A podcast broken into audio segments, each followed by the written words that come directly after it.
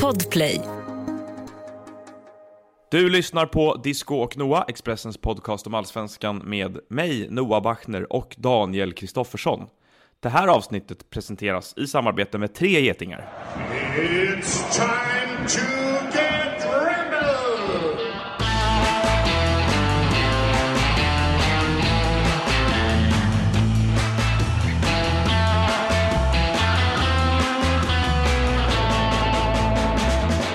Och av erfarenhet så är Tre Getingar ett betyg som vi på Expressen sätter på eh, till exempel fotbollsspelare och det brukar inte röra upp en procents känsla hos någon.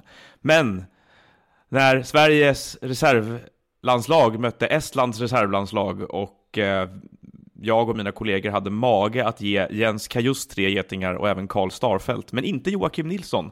Då brast det hos dig Disco. Det var inte ett meddelande, utan tio om hur otroligt sjukt det var att vi hade gått så långt som att sätta tre getingar. Kan du förklara bakgrunden till de här känslorna? Nej, det, det, nej men det, jag all, det jag inte förstod med den matchen, det var alla hyllningar till Jens Kajuste. Alltså, han, han var helt okej mot ett mediokert Estland. Alltså jag fattar inte hur... Hur, hur skulle det kunna ta han närmare en, en, en EM, plats i EM-truppen? Att, men han, kanske, okej, han, han fick kanske, han skulle haft två, tre liksom. Och mittbackarna, hur kunde man göra sig skillnad på dem? Det var väl inte så farligt. Men just det här totala, det måste ha saknats eh, saker att skriva om angående den där matchen. Ja, jag tyckte det var oproportionerligt. Jag såg eh, liksom någon kollega som skrev att det här tog han närmare landslagstruppen, alltså EM-truppen, tror inte jag alls på. Om det inte är så nu som jag såg att eh, det diskuteras att man kanske skulle få ta med allt ifrån 25 till 27 spelare eh, till EM. Eh, men ja, ja, ibland är man inte eniga om betyg. Eh, Jag- jag var ju till exempel, ja, men senast när de mötte eh, Kosovo va? Nej, när de mötte Georgien på hemmaplan var det väl? Den Jorgen så ville jag sätta en etta på Isak, eller ville, men jag är ju så pass ödmjuk så jag to- tog råd av dig och eh, mina andra kollegor så att ni fick mig att sätta en tvåa och det var, det var rätt så här efterhand.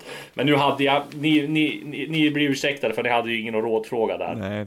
Jag tror ju att det ligger någonting i det här som du är inne på där, att ett fanns det inte så jättemycket att skriva om, så då var man tvungen att blåsa på lite med att, ja, Ja. Kajus gjorde ändå en bra aktion i första halvlek. Han närmare EM-truppen. Eh, eh, sen Ja. så funkar ju media eh, rätt mycket. Men eh, det som vi pratade om också med det där att eh, vad som färgar betyg. Att Kajus hade ju en, en fin aktion i första halvlek, han vann bollen och drev förbi ett par spelare och passade vidare. Det, sånt där sätter Ja. sig. Det är väldigt mycket tidiga intryck som sätter sig för hur en match blir eller är, eller hur bra en spelare presterar och sådär för väldigt många. Eh, och jag tror att det här att Karl Starfelt fick en geting mer än Joakim Nilsson. Jag såg att det var på andra håll också att han fick någon, någon hyllning här och där. Jag tror att det kan ha att göra med att Jan Andersson hördes ganska högt från sidlinjen att han gav honom en hel del beröm under matchen. Eh, och att det ropades bra Kalle rätt mycket. Och då är det nog en hel del där ute som kanske inte, som liksom, alltså, man, hinner inte eller att man inte litar på steget omdöme eller vad det är för någonting och så blir det sådär. Det, och det är inte, eh, pratar jag inte om eh, våra kollegor som var på plats igår, utan rent generellt bara att sånt där kan verkligen färga av sig på Eh, på. Jag tyckte Karl Starfelt var snäppet vassare än Jocke Nilsson. Nu vågade jag säga det igen här. Men Ja, men det, det kanske han var, men det var liksom inte där jag reagerade mest emot, utan det var mer just Kajus betyg. Ja, den enda som sa som det var efter matchen, det var Jesper Karlsson som hasade sig in på presskonferensen, lutade sig fram mot mikrofonen och sa att det här var rätt tråkigt. Eh, det var ju rätt eh, man ett, väldigt, ett, ett, ett tråkigt svar, en tråkig presskonferens efter en tråkig match, men han, hade, han var i alla fall ärlig, Jesper Karlsson. Sen tror jag inte det tar honom närmare EM-truppen heller, att han, var, att han är ärlig på presskonferenserna. Nej, men det, det hänger ju ganska mycket. Det var ju Ken Sema och Jesper Karlsson som slog som en plats ju. Så det är ju faktiskt så. Det var ju inte så speciellt många mer. Eh, Jag tror ju, även fast Kajusta hade gjort fyra mål och snurrat upp hela Estlandslaget så tror inte han hade slått, slagits in i någon EM-trupp. Men däremot, alltså om det är 23 s- spelare som tas ut. Däremot om det är 27 så sätter ju saker och ting i ett helt annat läge. Eh, Men däremot kan man säga att Sebastian Andersson var skadad nu igen såg jag här i, i Bundesliga och han känns väl helt borträknad nu va? Det är väl de forwards och möjligtvis Jordan Larsson som kan konkurrera. Men i och med att Janne inte tog med Jordan Larsson här så känns det som en tydlig signal att det, han, han kommer inte ta med honom. Det ska väldigt mycket till eh, och, och framförallt någon skada om han ska med till EM va? Ja, Känns det som. Jag tror det också. Eh, nu när vi ändå pratar om det så kan vi prata om vad, det, vad vi kan dra för slutsatser av den här Ja. landslagssamlingen. Det finns ju en hel del andra utöver truppen, men just om man blickar mot maj då när EM-truppen ska presenteras så, jag är inne på din linje där också, han har ju ett jättefungerande anfallspar i Quaison Berg, det var ju det man såg igår också, att de var ju väldigt bra tillsammans igen, det är de ju alltid. Och de har ju egentligen inte gjort någon dålig landskamp ihop. De var ju fenomenala när Sverige slog Rumänien borta i i EM-kvalet i eh, november 2019 innan, innan hela världen stängde ner. Eh, och Berg när han spelar igår är ju Sveriges bästa spelare förmodligen. Quaison har ju knappt gjort en dålig landskamp. Så de fyra då, med tanke på att de nu är omsprungna av Zlatan och Isak här. De fyra är de fyra forwarden som han tar med. Det skulle vara, om, som du säger, om han tar med Larsson. Men i och med att han tänker att Kulusevski kan spela forward också så, så ser jag inte det hända riktigt. Jag tror inte att han har råd med det. Eh, det, det som skulle kunna öppna upp platser för Svanberg eller Jens Kaus, det är ju då skadeläget mittfältet. Där är det ju liksom att det, det, vi, vi, kan ju, vi kan ju redan klottra ner Albin Ekdal, Kristoffer Olsson och Sebastian Larsson om de är friska. Eh, och förmodligen kan vi kanske även klottra ner Gustav Svensson. Eh, men det är väl Ja, lite alltså så att Gustav Svensson har ju för- fördelen av att han är liksom en sån rollspelare. Och det, jag kan Precis. köpa det, fast alltså, det finns mer spelare som är tekniska, mer gör bättre nytta på mittfältet så tycker jag ändå, liksom köper jag uttagningen av Gustav Svensson. Han är eh, en rollspelare, defensiv, ska vinna boll och liksom en eh, plog på, på mittfältet. Så att det, det köper jag alla dagar i veckan. Eh, om han kommer med. Det är väl det man ser framför sig där då, Ja. att han skulle kunna fundera på Kajust istället för Gustav Svensson i, det, i den, Ja, i den det- rollen. Alltså är- därför ja. att det, det, är det han skulle kunna göra. Men det Eh, vore Gustav jättekonstigt att slänga in honom i, i ett EM-slutspel med inga kvalmatcher. Men ja, Ja. Nej, jag, Ja. jag håller med dig. Men, det, men jag menar bara att det, den fattar. möjligheten går nog Ja. inte att utesluta. Svan, Svanberg har ju varit med desto mer, Ja. å andra sidan. Så att Precis. han känns ju mer inkörd i det här landslaget. Ja. Att av det skälet tror man kanske att han ligger bättre till hands. Men det är väl att det är lite osäkert kring den där sista inne i mittfältsplatsen. För i övrigt där så känns det ju som att, ja, han, Claesson, Forsberg, Kulusevski är ju med och då är det en mittfältsplats kvar. Och jag, visst, han kan använda Sebastian Larsson på en kant, men jag tror han vill ha med typ Ken Sema som någon sorts eh, eh, X-faktor, en ytter till som, eh, som, som är med i landslaget. Så jag tror inte att någon annan, jag tror inte Jesper Karlsson kommer vara aktuell. Nej. Och sen då om man Ehm. ska titta på en elva så är väl den ganska given. Det är det är väl två platser som kan vara öppna. Dels, det är i alla fall som jag fattar eh, som jag tror, så är Robin Olsson såklart given i mål.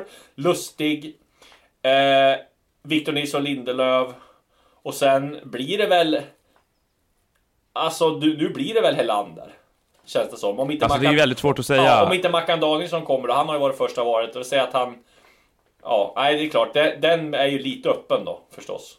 Vi kan, ju, vi kan ju konstatera att det har varit ett ganska dåligt landslagsår för Pontus Jansson. Ja, exakt. Jag har svårt att se att han Eh, ska liksom swisha förbi alla i hierarkin. Framförallt Han var, och, och han var ju, han var ju tredje valet när under VM 2018 till exempel så spelade han ju i premiären mot Sydkorea och han har varit kapten i flera landskamper när han har roterat laget lite grann. Men plötsligt här då så har du dels att Danielsson kommer in och imponerar, gör mål mot Malta, spelar jättebra, gör mål mot Kroatien och är bra i, i Nations League. Och jag tror ju att tar du en sammanlagd bedömning av alla mittbacksinsatser det senaste året så tror jag att Danielsson är den som Jan Andersson prioriterar att spela bredvid Lindelöf. Nu handlar det väl bara om vad han har för situation i Kina och sitt Ja. klubblag om han är i form. Exakt. Men, och sen, och sen så då, till råga på det, ur Jansson, med Janssons perspektiv då, så kommer det Helander som skjuter ur en kanon här, skolad av, av Steven Gerrard i Glasgow Ja. Rangers till en ganska mycket bättre spelare av allt att döma än vad han har varit tidigare. För han, han visade ju på Eh, dimensioner i sitt spel i de här matcherna, framförallt mot Kosovo, som jag inte har sett tidigare i landslaget. Att han var mycket mer resolut och, och aktiv än vad han varit tidigare. Och det kanske är att han har då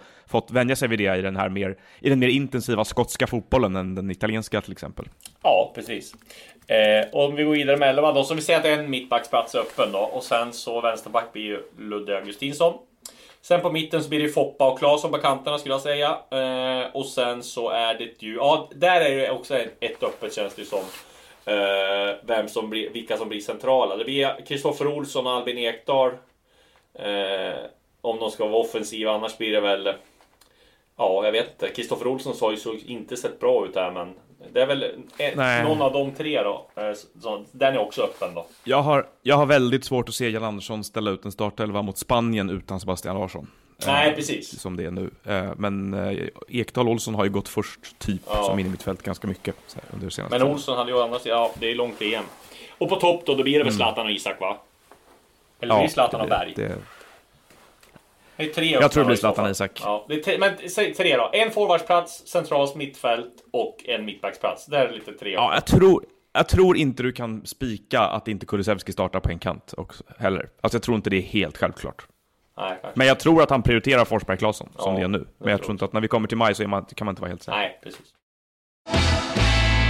Eh, så är det med det i alla fall. Ja. Eh, den här landslagssamlingen i övrigt då, vi får väl säga att den stora take-awayen från det var väl att det gick väldigt bra att integrera Zlatan i allt det här, eh, Ja. på flera sätt. Verkligen. Och ja, det var ju som jag sagt, Zlatan 2.0 får vi se hur länge det håller i sig. Och om han är lika bra när han kanske inte får vara sig själv. Eller kanske är nya Zlatan här, vem vet.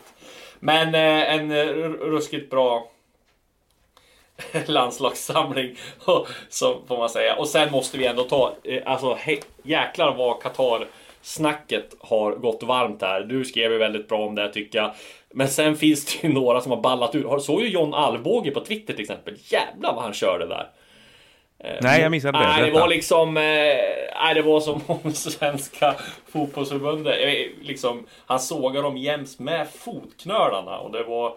Jaha. Ja, det var en riktig körare. Men det man kan tänka då är väl att Sverige öppnar ju för att göra någon form av protest också. Med, med tröjor och sådär, men det gjorde de inte. Får se om det kommer lite längre fram här. Mm. Det blir ju lite... Det är, känns ju lite så här, ja, Håland... eh, Vad heter det?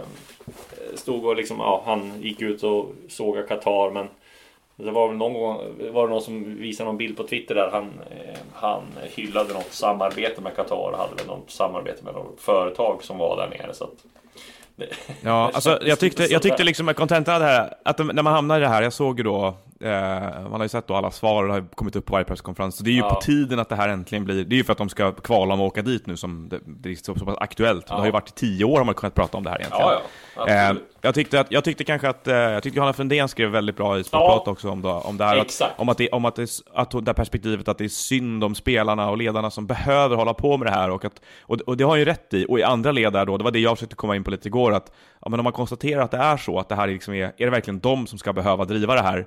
Ja, det är det ju såklart inte. Och varför bör, var, är det inte dags för dem nu att börja kräva någonting annat av till exempel Fifa genom Svenska Fotbollförbundet då? Måste det vara på det här sättet? Kan inte de, för det är de som har liksom satt dem i den här situationen. Det är ju framförallt, det är ju Fifa och Infantino.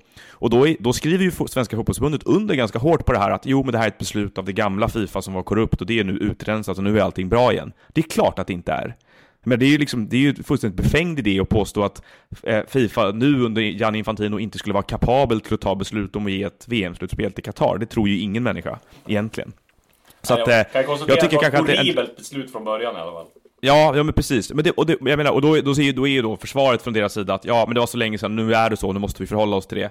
Det, det är skitprat. Eh, så att jag tycker liksom att eh, det, vad de borde göra, vad de behöver göra och vad, vad som borde uppfriskande i det här läget, det är om spelare, ledare, andra faktiskt riktar udden mot Fifa och mot, mot, kanske genom sina egna förbund och säger att det, det här, vi vill inte behöva hålla på och prata om, välja på de här grejerna hela tiden och liksom hela tiden försöka, för man fattar ju att de vill spela VM, det är ju självklart liksom. Det är, det, alltså ska de sitta och säga nej, vi borde inte åka dit, om, vi, om, vi, om Sverige spöar Spanien i ett dubbelmöte, ska de tacka nej till sin plats där nere sen då? Det finns ju inte på kartan. Eh, så att det är liksom inte, eh, jag, jag, är, jag helt inne på den här linjen också, att, att det här, de borde rikta sin ilska, spelare och ledare borde rikta sin ilska mot Fifa som har tvingat in dem i den här situationen. Exakt. Det kommer att pratas mer Qatar under det kommande året Tror tror jag. Eh, Men vad det ska pratas mer om nu är ju att det är en vecka kvar till Allsvenskan. Ja, det har man ju verkligen gått och väntat på. Allsvensk premiär. Nu är det bara eh, ja, en knapp, eh, eller en vecka bort här. Eh, drygt en vecka. Eh, och äh, det ska bli grymt härligt. Lite synd då att vi inte fick in publik på premiären. Men det var väl, rör sig om några hundra, men det hade ändå gett liksom lite tycker jag. Men nu kommer ju de här restriktionerna igen så att det blir ju inte något förrän i mitten av maj va? Ja, precis. Det, I alla fall, det är den biten i maj. Men det låter ju lite hoppfullt att det skulle, att de här Ja. planen då för eh, att man skulle kunna få in folk då, eh, ja. Vad... Ja. Precis. Men vad... Eh, om vi eh, kör... Eh, det kommer ju en... Ikväll så spelas det ju Svenska Cupen. Eh, uppskjutna matchen mellan Hammarby och Trelleborg.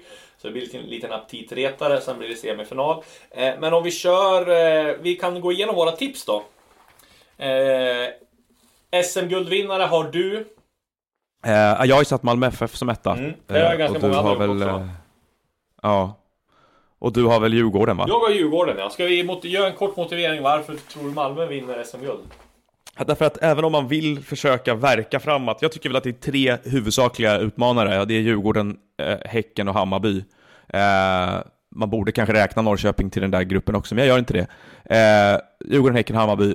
Men ska, man, ska man då försöka verka fram no någonting som motiverar att man tippar någon av de andra lagen före MFF så faller det tycker jag för mig varje gång. Liksom. Jag hittar inte tillräckligt många skäl till det, utan det är ju, att, det är ju det att MFF har både truppen, eh, både liksom eh, tränaren och framförallt manöverutrymmet och alltihopa som de behöver för att, för att vinna SM-guld även i år. Så att de är ju det logiska tipset att, att bli etta. Så är, jag, jag, håller mig, jag håller mig logisk och tråkig. Men du har varit desto roligare och satt ett annat lag som etta då. Eh, vad, vad, hur kom du fram till Djurgården som SM-guldvinnare?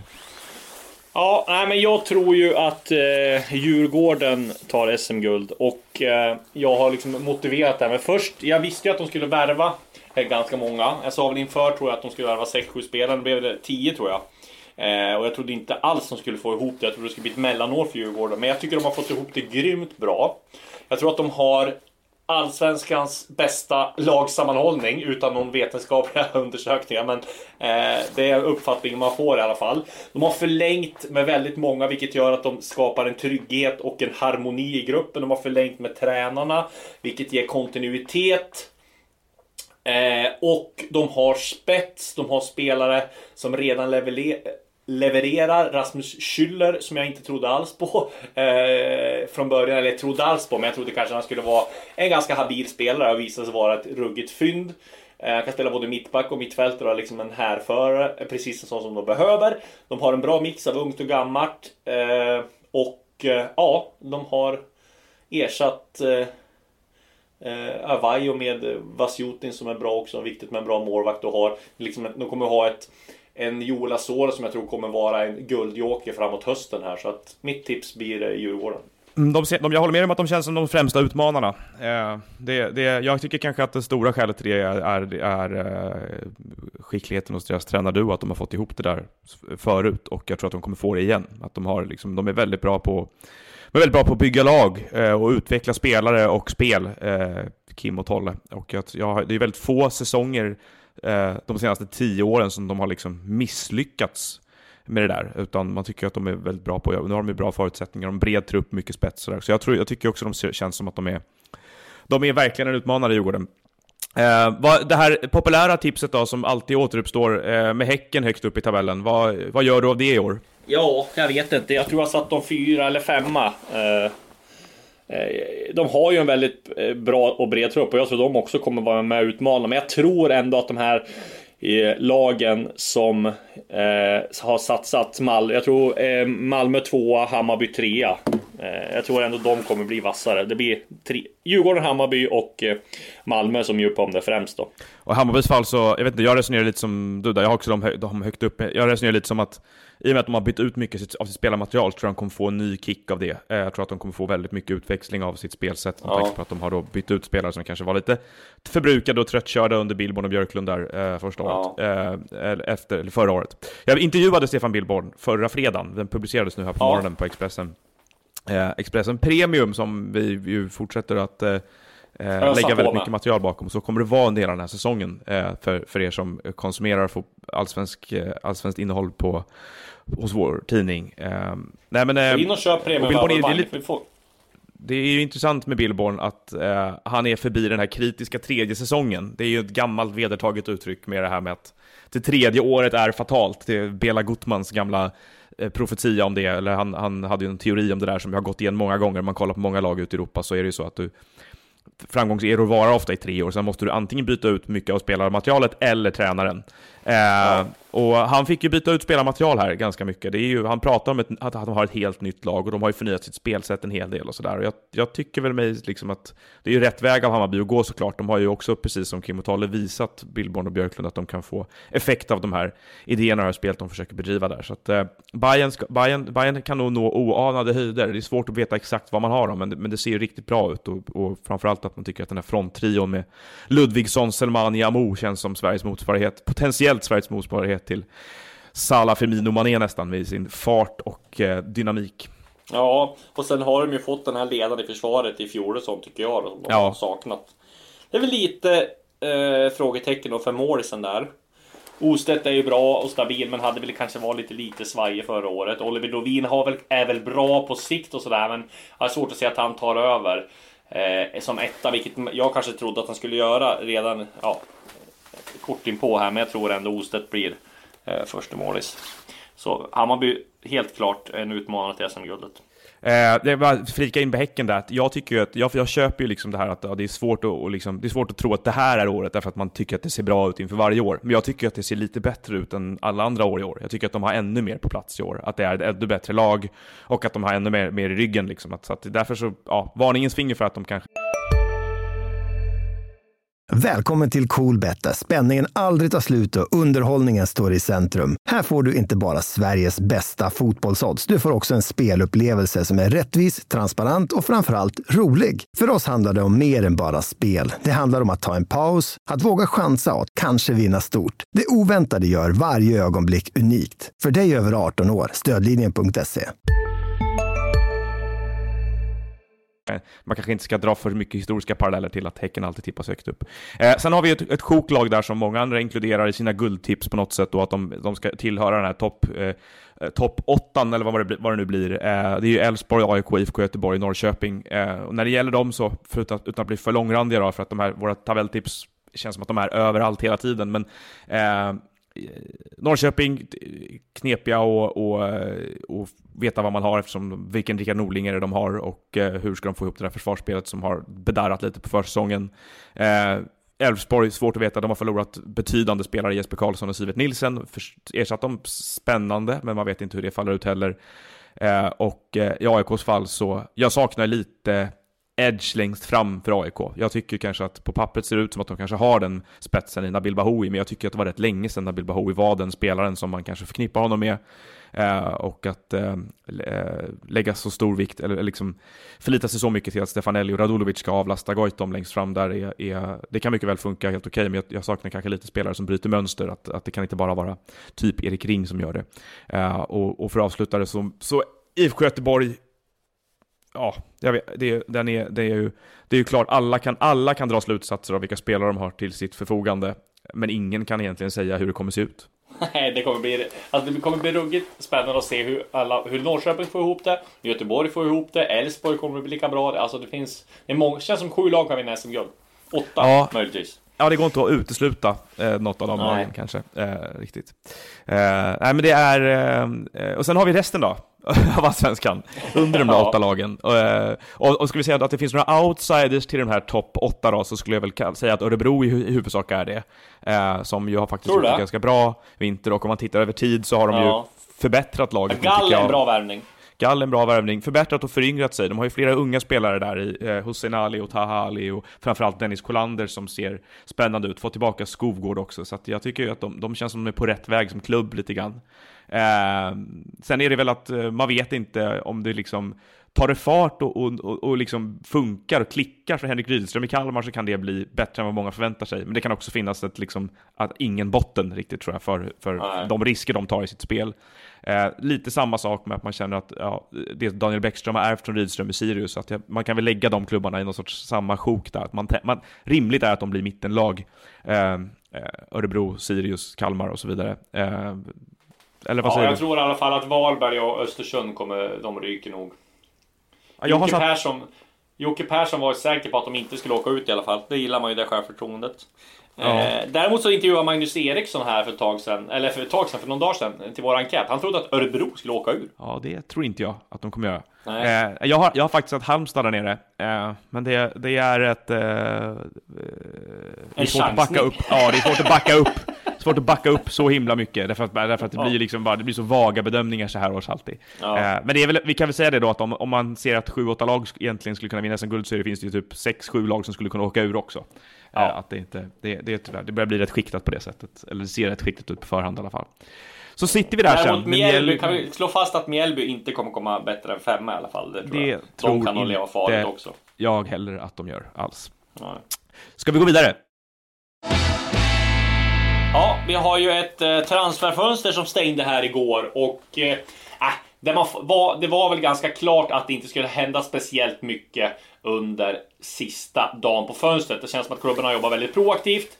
Eh, det kom ju rykten om Sam Larsson till IFK Göteborg som inte blev av. Och däremot känns det lite bittert. Jag fick höra ganska tidigt här på dagen att Ari Skura som var aktuell för Norrköping och kollade upp det. Men då eh, så fick jag liksom beskedet att eh, det var, den var, dealen var helt off för klubben i Belgien ville inte släppa han. Jaha. Eh, Men sen så låg han på och, och liksom tydligen under, under dagen och sen blev det klart eh, klockan åtta. Så att eh, det var lite surt att missa den. Men en bra värvning för Norrköping såklart. Är det, eh, är det första gången på länge du bommar en sån där grej som du...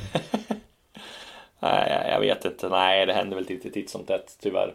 Att man får höra saker. Ja, du menar så. Bomma så. Ja, precis. Att man är säker på att eh, den inte skulle bli av och sen så Ja. blev den av. Ja, det var, det var faktiskt eh, ett tag sedan. Men eh, samtidigt, det är ju sista dagen. Då kan ju allt hända. Då görs det ju då görs det ju sådana där eh, affärer med, med, med, med kort varsel och, och det kan handla om minuter. Det var väl någon italiensk övergång va, som sprack på eh, någon minut därför att ja, det var något fax som inte hann fram eller sånt där. Ja, De Geas övergång till Real Madrid om inte Ja, annat. vi, ja, så var det. Så var det. Men, äh, men så är det ju. Eh, Det är bara att tugga i sig. Men Skurason, är en bra värvning för Norrköping. Då får de ju sin eh, ytter som de har letat efter i, i försvaret. Och det tror jag, han är ju liksom pålitlig isländsk landslagsman. Och Norrköping kan ju is. Det är lätt att integrera islänningar i Norrköping. Så att, Ja. ja. nej, spännande. Det, det behövde de nog också, för det har setts, det har märkts också att de har saknat en liksom lite eh, tydlig ytter. Det är en otrolig isländsk koloni där nu. Eh, och Ja. sen hade vi eh, en oväntad eh, rubrik, eller en oväntad vinkel som man skulle kunna sätta på det. som- Klart den blir inte helt rättvis, men ändå. Varberg plundrar Ajax. ja, precis. De gjorde ju klar, eh, klart med två stycken därifrån sydafrikaner som har spelat i eh, Young Ajax, va? Eh, det. Solomons och Moon. Som jag skrev om. Och det, ja, man har ju noll koll på dem, men just att jag tror att det är via Eh, undrar om det är Bosse Nilsson som har varit hjälpt till Jocke Persson där i sina kontakter där nere. Eh, det. jag, jag är inte hundra på det, men det kan nog vara det. Eh, det blir spännande att se vad de tillför. Han, eh, Jocke Persson har varit tydlig med att han, de ska rätt in i, i startelvan. Så att eh, en eh, mittback och en offensiv spelare. Så att, ja, det blir spännande att se. Var, han och Varberg har ett jäkla track record när det gäller värvningar, så att man ska inte Ja. garva bort dem i år heller. Alltså, de brukar Nej, men det sätta... var skönt att han gick ut och sa att eh, Robin Simovic hade han högre förväntningar på än Selmani. Han- Man gillar ju han, honom. ja, han behövs. Eh, Mycket sydafrikaner där nu i, eh, i eh, Varberg, eller hur? Om vi pratar om kolonier. Mm. Ja, precis. Eh, Eh, och sen så var det väl Galva som gick till Örebro, om det var, eller det var igår i och för sig, eller i förrgår. Den är, den är lite sådär som med Milosevic, att alla fattade för tre månader sedan att det skulle hända. Kan inte bara, varför Mm. gjorde ni det först nu? Kunde ni inte bara göra det i tid istället? Nej, exakt. Ja, men det var väl de. Ja, som Milosevic är klar, 1 plus 2 år. Eh, där har vi pratat om det tidigare här, att Otihilon gick på lån eh, till AFC. Just det. Eh, men där är det ju så att eh, ja, men, eh, Milosevic gör ju klokt i att flytta hem nu till AIK. Han har väl en dröm också om att vara lagkapten i AIK innan han lägger av. Eh, ja, han ska inte lägga av än. Ja, väl, eh, så att eh, 2022 eh, kan nog vara dags för Milosevic att vara lagkapten. Det känns inte som Henok kanske inte spelar då och han kanske inte är ordinarie heller. Eh, Sebastian Larsson, ja, vet vi inte, men det känns ändå som Milosevic 2022 borde vara givna kaptenen. Ehm, vi hade ju en sista minutenvärvning i Djurgården också, Jesper Lövgren. Ja, Jesper Lövgren. Från Brann. Och där var ju så att Bosse Andersson kollade ju på en del andra spelare också som inte gick att lösa. Och då kom ju Lövgren rätt bra. Skrivit fyraårskontrakt, det är ju rätt ålder också. Eh, och eh, tyvärr då så, eh, för Djurgårdens del så har de ju fått lite problem på mittbackssituationen. Jakob-Uno Larsson var borta två, tre veckor, tränade för fullt för någon dag sedan bara. Han har varit förkyld och, och inte tränat på och kört hårt. Erik Berg som eh, vi har sagt tidigare kommer lägga av. Och sen har de Isak Hien som hade en del skadeproblem och har inte nått upp i den nivån efter skadan då. Men där är ju en, ändå en värvning på sikt. Eh, och sen så gick ju Schüller av. Han har ju hoppat in som mittback. Han gick eh, ju av i matcher mot, eh, eller matchen med Finland skadad. Så att det är väl oklart hur det var. Så att ja, att de skulle värva en mittback var väl ganska klart och sen att det skulle bli ett fyraårskontrakt med Jesper Löfgren kanske inte var tänkt från början. Det var nog mer tänkt än, än något lån Eller så, men det här dök upp rätt bra. Så att, ja, det här är spännande.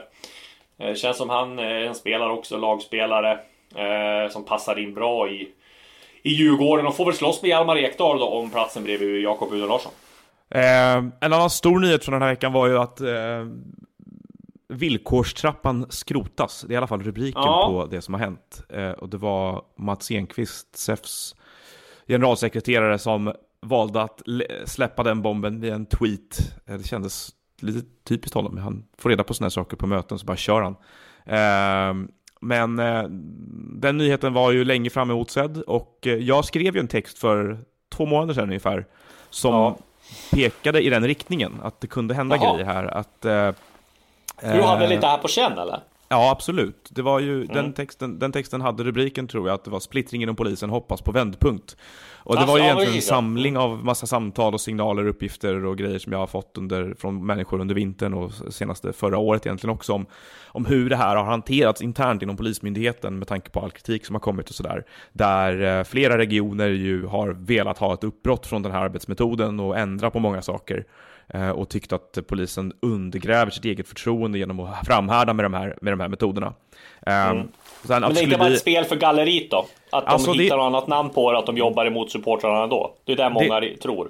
Ja, det är klart att det är bra med skepsis i sånt här läge om man då har varit väldigt missnöjd med någonting innan och de byter namn på själva eh, arbetssättet. Det, jag tror att det är helt, väldigt hälsosamt att ha det. Villkorsstegen kommer det nu. Precis, eh, rutschkanan istället. Man bara flyger rakt ner, det är ingen trappa. Liksom. Det är bara, eh, nej men det, det, som, eh, eh, det som låter lovande för den som vill ha mer samverkan, mer dialog, mer involvering av fotbollens olika organisationer och klubbar och andra i de här, eh, i de här frågorna, det är ju att när man lyssnar på företrädare för nationella operativa avdelningen som ju håller i de här frågorna nu, då säger de att de har tagit till sig av kritiken, de har förstått att det har funnits, de pudlar ju mer eller mindre från vissa formuleringar, de ska göra om sitt inriktningsbeslut från 2016. Villkorsskrivningar är fortfarande ett arbetssätt för polisen, att de till exempel kan ta till publikneddragningar, men de pratar om framförallt det viktigaste, det kanske mest centrala i allt det här, proportionalitet i vad de gör för någonting. De säger att det fanns problem med proportionaliteten i det tidigare arbetssättet. Och det är väl det som de flesta reagerar på. Det är ju inte proportionerligt att det tänds en bengal och man får bli av med 500 sittplatser, eller 500 platser i en kort, på en kort sida,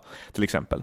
Eh, så att, eh, jag tror att det är det viktiga att de, gör, att de gör ett omtag i den biten, och sen pratar de igen om att de nu den här gången eh, siktar på, deras ambition är att involvera fotbollen väldigt mycket. Och så tittar man även på fotbollens reaktioner, man kollar på till exempel Mats Enqvists reaktion och flera andra personer så, som har varit med i de här samtalen och som har tagit del direkt av vad polisen har sagt till dem, så, så, så är ju det lovande såklart. Att eh, dels de vill ta bort, de vill ta bort namnet på det här arbetssättet som har varit förknippat med något väldigt destruktivt.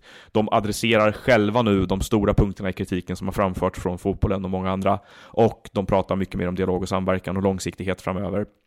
Eh, De hade väl något exempel där vår kollega Martin Agassi var ju på plats på, hos polisen och tog citat med dem igår, eller gjorde lite intervjuer med Ja. företrädare för dem igår där och då låter det ju som att de säger till exempel att då publikneddragningar som kanske har varit det mest extrema och det som har synts mest är någonting som ska, som ska krävas ganska mycket för att man ska ta till. Och inte som förra året då att det räckte med att du åkte upp en liten flagga så var det plötsligt stängt halva ståplatsläktaren för eh, någon klubb. Nej. Så att vi, eh, vi, vi ser väl fram emot ett år där kanske den här frågan eh, fortsätter utvecklas i rätt riktning och där eh, det råder mer samförstånd och mindre konflikt eh, i det här. Den, den sekund man släpper in folk på läktarna. Frågelådan. Ba-da-ba-ba-bow. Frågelådan. Frågelådan. Frågelådan. Ja, vi ska bara säga också här att vi måste ge ett hedersomnämnande till eh, min frus mosters man Göte Nilsson. Det är han Jaha. som gör att den här podden kan bli tillgänglig. Eller kan bli tillgänglig. Det, här, det är det som gör att det här avsnittet kan eh, spelas in. För när vi, jag eh, och familjen skulle åka till Sundsvall i tisdags så glömde jag såklart eh, mickpodden. Jaha. Eh, mikrofonen. Eh, Podd- poddmicken. poddmicken. Poddmicken. Mick, podd, poddmicken. Och eh, så det hade ju, vi såg länge ut som det inte skulle bli någon, något eh, avsnitt. Men eh, de skulle också upp till Sundsvall. Så Ja. han eh, tog micken hit. Så det var härligt. Tack, så nu Göte. ett, ja, exakt. Men... en- Enabler of in- podcasts. Exakt. Vi har fått massa frågor. Yes, eh, vi hugger väl tag i eh, eh, några av dem. Eh, vad är känslan hos Daniel Kristoffersson när Peking landar ytterligare en värvning som han inte hade en aning om, undrar Tobias Eriksson. Det har vi pratat om. Exakt, det har vi pratat om. Aris Gulason. Ja, eh, Det, var- det, det var ju något, jo det var ju, anledningen till den här frågan var ju att eh, det var någon som sa att för att Peking jobbade under radarn, men det var, vi kom ju fram till att det var ju bara Adingbengro som hade gått under radarn, resten hade varit öppna spjäll på. Och precis när jag skrev det så skulle de ju komma med den här värvningen då, såklart. ja. Ja. Eh, Det är, Så kan det, det är vara. du, det är du mot Rickard Norling. Exakt. Marcus Tapper, nu är det så himla många som sticker ut hakan och tippar Häcken som vinnare. Det har ju tappat lite coolheten som det hade för några Ja, år sedan. precis Vilket vad jag skulle säga. Som experter sticker ut hakan genom att tippa som vinnare. Ehm, Jag trodde jag Ja, ut inte hakan när jag årets- skulle tipp, tippa Djurgården. Ja, det känns som det är årets sådär. Jag såg att Alexander Axén också hade dem som etta, va? Det är väl årets sådär att ja, eh, jag vill välja en liten annan väg här. Eh, att tippa Djurgården som etta. Jag har ju varit inne på det här också, att jag tror de är en rejäl utmanare. Så det kanske är Djurgården. Men Häcken är ju lite ännu mer sideways att komma med. Eh, jag säger guys. Jag kommer lansera guys som vinnare av SM-guldet nästa år. Eh, och nu, och alla, alla som lyssnat på den här podden förut vet varför. Elias Engström, vad tycker ni om David Ackham och varför är han allsvenskans bästa spelare? Ja, Nej, det har varit... Eh, vi får se här när han kommer igång. Jag har faktiskt ingen status där, men eh, han har ju jobbat lite i skymundan får man säga. Ja, vi får väl se här vad, inte vad som händer ingått så mycket i, i det. Är det Bayern man har liksom eh, försökt studera på försäsongen här så mycket? Ja. Ja, här får väl göra en pudel igen då, eller pudel, jag uttryckte mig lite oklart i Silly Season avsnittet där som vi spelade in med AIK. Joakim Svanlund. Jag vill höra Daniel Kristoffersson ah, eh, utveckla vad han menar när han i Expressens Silly avsnitt om AIK säger att han är imponerad över att AIK lyckas signa Sotte som enligt hans egna ord saknar tidigare AIK-koppling. Eh, ja, det, var, det vet jag också att han är liksom uppvuxen och har liksom nära Solna och har den kopplingen och spelat i AIK tidigare. Men jag, jag menar det är liksom det här att han har inte varit en tongivande spelare i AIK som Marcus Berg och Oskar Wendt var. Det var det jag ville få fram, men det var eh, oklart på det sättet. Så att, Ja, eh, han var ingen- jag, vet, han jag var- vet också om Sottes AIK-koppling. Han var ingen hemvändare så som vi känner hemvändarna. Det var det du försökte säga. Precis. Eh, Tobias Sköldborg, ni får en Aladdin-ask som går bort-gåva av någon som kommer till er på middag. Äter ni chokladen eller sparar den som går bort-gåva till nästa gång ni ska gå bort? Jag äter hela asken samma kväll. Typ. Ja, jag med. Eh, det, det kan inte finnas sådana saker här utan att man äter upp dem. Eh, Joma skriver så här. Pratas för lite om spelschemat och hur det kommer att påverka Allsvenskan. 22 matcher efter EM plus spel i Europa och dessutom skifte mellan gräs och konstgräs hela tiden. Detta kommer att ha stor betydelse för utgången av Allsvenskan. Det såg man inte minst förra våren med det täta spelschemat och byte av underlag. Jättebra, jättebra poäng och eh, det här att det bara är åtta matcher innan EM spelas är ju faktiskt så att det är inte bara det då att vi pratar om att det är slitage på spelare och väldigt mycket matchande efter utan också det faktum att när vi vet ju det att när sommaruppehållet har kommit och gått så ser trupperna helt annorlunda ut. Så Ja. att eh, vad vi har gjort egentligen är att tippa allsvenskan de första åtta omgångarna nu då. Eh, och eh, vi har en fråga till här. Eddie Mörnstor. Eh, hur fungerar externa finansiärer egentligen? Är det bara för dessa att swisha pengar till spelarna? Nej, men det handlar ju där om att till exempel, eh, nej men ta, ta vad heter det, Steffo och Niklas Strömstedt. De lånar ut pengar, eh, eh, till exempel 600 000, vi gick in med 300 000 var. Och sen så betalar AIK tillbaka det. Man kan ju vara liksom när de har pengar, när de säljer en spelare sådär. Utan eh, så kan en liksom en eh, extern finansiär Eh, fungera. Sen kan det vara så att eh, man kan investera i spelare också, kunde man tidigare, vilket Agent 03 gjorde. Då gick man in med, eh, ja men säg 10% när Jos Hoifeld värvades och sen när han såldes för 20 miljoner så fick man 2 miljoner. Så att det är liksom två sätt som det kan fungera på. Mm. Eh, tog någon, eh, Hybris undrar, tog någon eh, i landslaget en selfie med Zlatan eller ljuger, bara, ljuger de bara när journalister ställer den frågan? Nej, jag har inte sett någon ta en selfie, men det var ju Mattias Tjärnström där som fick på TV4 som fick kritik för att han sa han, han gjorde en intervju med Jesper Karlsson och frågade om, om Zlatan och liksom gjorde så att Jesper Karlsson framstod som en i, ja, liksom som en liten pojke som var på liksom, fick spela med sin idol. Jag tror både du och jag har erfarenhet av att få redaktionella medskick om att det är viktigt att fråga mycket om Zlatan eftersom det finns ingenting som fortfarande som ni, eh, konsumenterna av sportjournalistik i Sverige, läser lika mycket om som Zlatan. Han är en extrem Nej. magnet fortfarande. Ja, men så farligt var det inte där heller. Det frågas om Zlatan. Eh, kan, Sebastian, kan Noah bekräfta fördomen att snaps inte inmundigas under påskmiddagen? Det är en lögn. Lögn och, Ja, och eh, det dricks snaps eh, även hemma hos mig. Eh, Henrik Hammar, Aris Gulason ett fynd för Norrköping? Eller är han slut? Jag tror han har blivit ett fynd. Ja. Jag tror också han blir toppen där. Eh, Erik Caballero Heitjö. Jag lyckas aldrig uttala hans efternamn, han har ställt frågor Nej. många gånger här. Eh, vilken sportchef har gjort det bästa transferfönstret och varför är det Bosse? Alltså, det är så väldigt svårt att sätta någon slut... Satt, dra någon slutsats innan säsongen har dragit igång på allvar här om hur det gick för olika sportcheferna. Men man tycker ju att Djurgården har gjort det bra, i alla fall på ytan. Eh, att de ser ut som Han har värvat mest bra i alla fall. Som ersatt många som har lämnat också. Isak, vad finns det för konkret som svenska klubbar kan göra för att motverka de nya Europacupsformaten som Uefa vill införa? Uh, jag, jag tycker då, de, det, blev, det hände ju grejer där i veckan igen här, där toppklubbarna i Europa vill eh, ta, eh, stoppa den här reformen och, vill ha ännu mer av kakan själva. De vill ha ännu mer av pengarna, de vill äga egentligen kommersiella rättigheterna till Champions League. Jag tror att det enda sättet är för, eh, för det här är att för medlemmarna i svenska klubbar motionera om att klubbarna ska driva mot, gentemot förbundet att reformera Uefa och Fifa i grunden. De behöver liksom göra helt rent hus och strukturera om sig själva.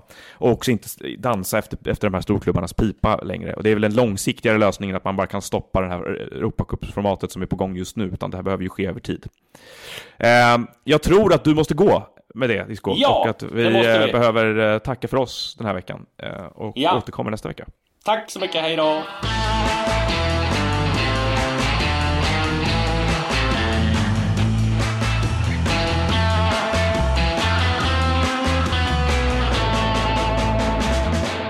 Du har lyssnat på en podcast från Expressen. Ansvarig utgivare är Klas Granström. Hej, Ulf Kristersson här. På många sätt är det en mörk tid vi lever i. Men nu tar vi ett stort steg för att göra Sverige till en tryggare och säkrare plats. Sverige är nu medlem i Nato. En för alla, alla för en. Vi är specialister på det vi gör, precis som du. Därför försäkrar vi på Swedea bara småföretag, som ditt. För oss är små företag alltid större än stora och vår företagsförsäkring anpassar sig helt efter firmans förutsättningar. Gå in på swedea.se företag och jämför själv.